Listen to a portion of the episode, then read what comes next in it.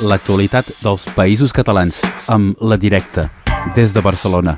La Directa, diari digital per la transformació social. A Ràdio Arels.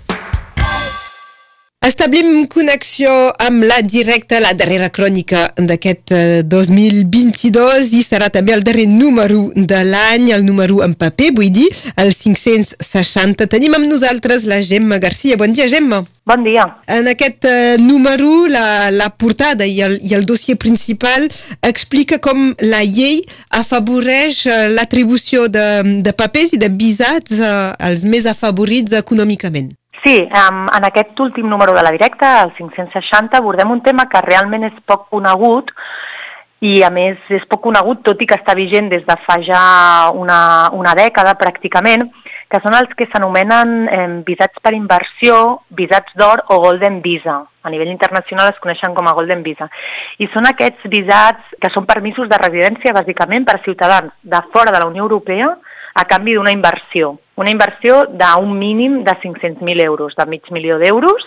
A través d'aquesta inversió, automàticament, les persones que poden fer-la, més ha de ser una inversió, diguéssim, directa, sense crèdits pel mig, sense hipoteques, les persones que poden fer-la aconsegueixen pràcticament automàticament el permís de residència a l'estat espanyol.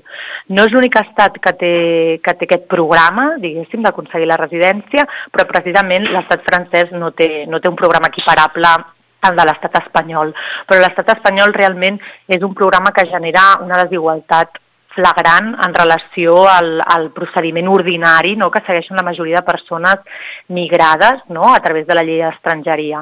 És a dir, les grans fortunes aconsegueixen esquivar aquesta llei d'estrangeria i aconsegueixen aquest permís de residència, doncs perquè us feu una idea, no, eh, amb, 20, amb un màxim de 20 dies aconsegueixen aquest permís, és un permís que no obliga a residir físicament un mínim de, un mínim de dies a l'estat espanyol, que més permet treballar i que permet un reagrupament familiar simultani, no? De forma automàtica, quan precisament en el circuit ordinari els tempos són molt més lents, és un laberint burocràtic que a vegades s'allarga moltíssim, s'han de reunir unes, no, unes, unes característiques molt concretes d'arrelament laboral, d'arrelament social, vull dir, realment els requisits són molt difícils d'aconseguir per les persones que segueixen el circuit ordinari.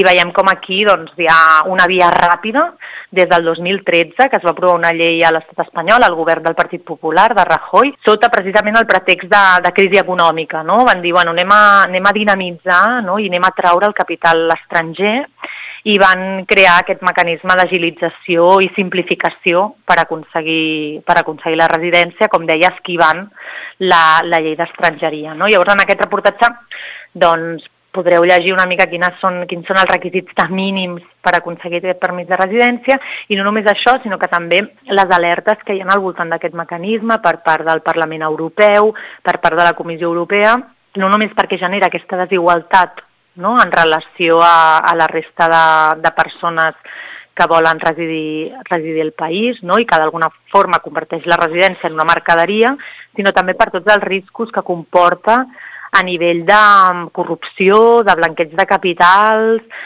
sobretot per la dificultat de traçar l'origen d'aquests diners pràcticament en efectiu que s'inverteixen normalment en inversió immobiliària, no? I la, la dificultat de traçar l'origen, i de, de fet hi ha hagut casos a diferents països europeus en què s'han detectat doncs, orígens fraudulents provinents d'accions il·lícites, hi ha hagut casos de corrupció vinculats al govern, per exemple, a Portugal, no? és a dir, tots els riscos que entranya aquest, aquest mecanisme. I perquè us una idea, doncs hi ha hagut, mm, des de que es va aprovar aquesta llei el 2013, el Partit Popular la va aprovar, doncs a l'estat espanyol s'han concedit 14.801 permisos de residència a través d'aquest mecanisme i els darrers cinc anys doncs, ocupen el pòdium de, per països d'origen doncs, ciutadans xinesos, després de Rússia i dels Estats Units i finalment d'Ucraïna, no, arran suposo del, del context actual, no? però la majoria d'aquests permisos s'han concedit a, a Xina, Rússia i Estats Units. Això, la gent que, que té diners eh, li és eh, més eh, fàcil d'instal·lar-se a l'estat espanyol i, eh, i ens ho expliqueu en aquest eh, número 560 de, de la directa per si hi ha gent que en vol més detalls i més informació. Som, som a la fi de l'any, també és un moment en el qual es pot fer com un, un punt, un balanç de, dels actuals conflictes internacionals. Sí, eh, fem un, una miqueta un balanç d'alguns dels conflictes més latents que estan actualment sobre la taula i hem volgut parlar, no, acabar l'any parlant també del Perú, que com sabeu, doncs, des de la destitució del president Pedro Castillo i la gestió de la crisi que està, fe, que està fent el nou govern, doncs hi ha una onada de protestes molt forta i està havent-hi una repressió violenta també molt contundent i per tant podeu trobar un reportatge, un reportatge en profunditat de les causes doncs, d'aquesta doncs, revolta i de quina és la situació política i social actualment a, al Perú, feta per José de Chávez Cáceres, una persona que està precisament a Lima i que ens ofereix doncs, aquest reportatge en profunditat.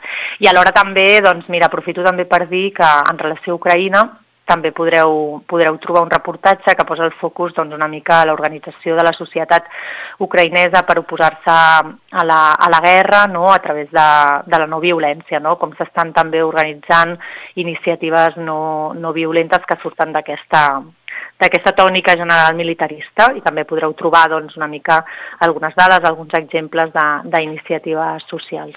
Parlem també un poc de, de cultura i de cinema italià. Exacte, per no acabar, per no acabar l'any amb tot males notícies, doncs també us volíem deixar un reportatge aprofitant el centenari del naixement de Pasolini, de l'escriptor i cineasta italià, doncs podeu trobar un reportatge que repassa, repassa la seva trajectòria i també repassa doncs, totes les obres eh, que s'estan publicant i que, que s'estan podent veure a, a partir d'aquest centenari, amb motiu d'aquest centenari de, de Pasolini. Així que també us deixem un reportatge interessant a nivell cultural. Tot això i més coses a la directa els podeu eh, trobar en el, tant el número paper, el 560 que, que hi ha a la, disponible a la llibreria catalana pel que fa de, de Perpinyà, també a través de la web hi ha més contingut, és directe.cat i avui n'hem parlat amb la Gemma Garcia. Moltes gràcies, Gemma. Mira, Laura, no m'han buinat també, ara que hi penso, sense recordar que a més a partir del gener trobareu una nova columnista de Perpinyà uh mhm. -huh. a la directa, mensualment, que és la Dolors Serra. Així que també ja us anirem, ja us anirem parlant. Perfecte, ho farem. Eh, moltes gràcies i doncs fins, fins l'any que ve, que vagi molt bé el cap d'any. Igualment, bon any. Adeu l'actualitat dels països catalans amb La Directa, des de Barcelona. La Directa, diari digital per la transformació social. A Ràdio Arels.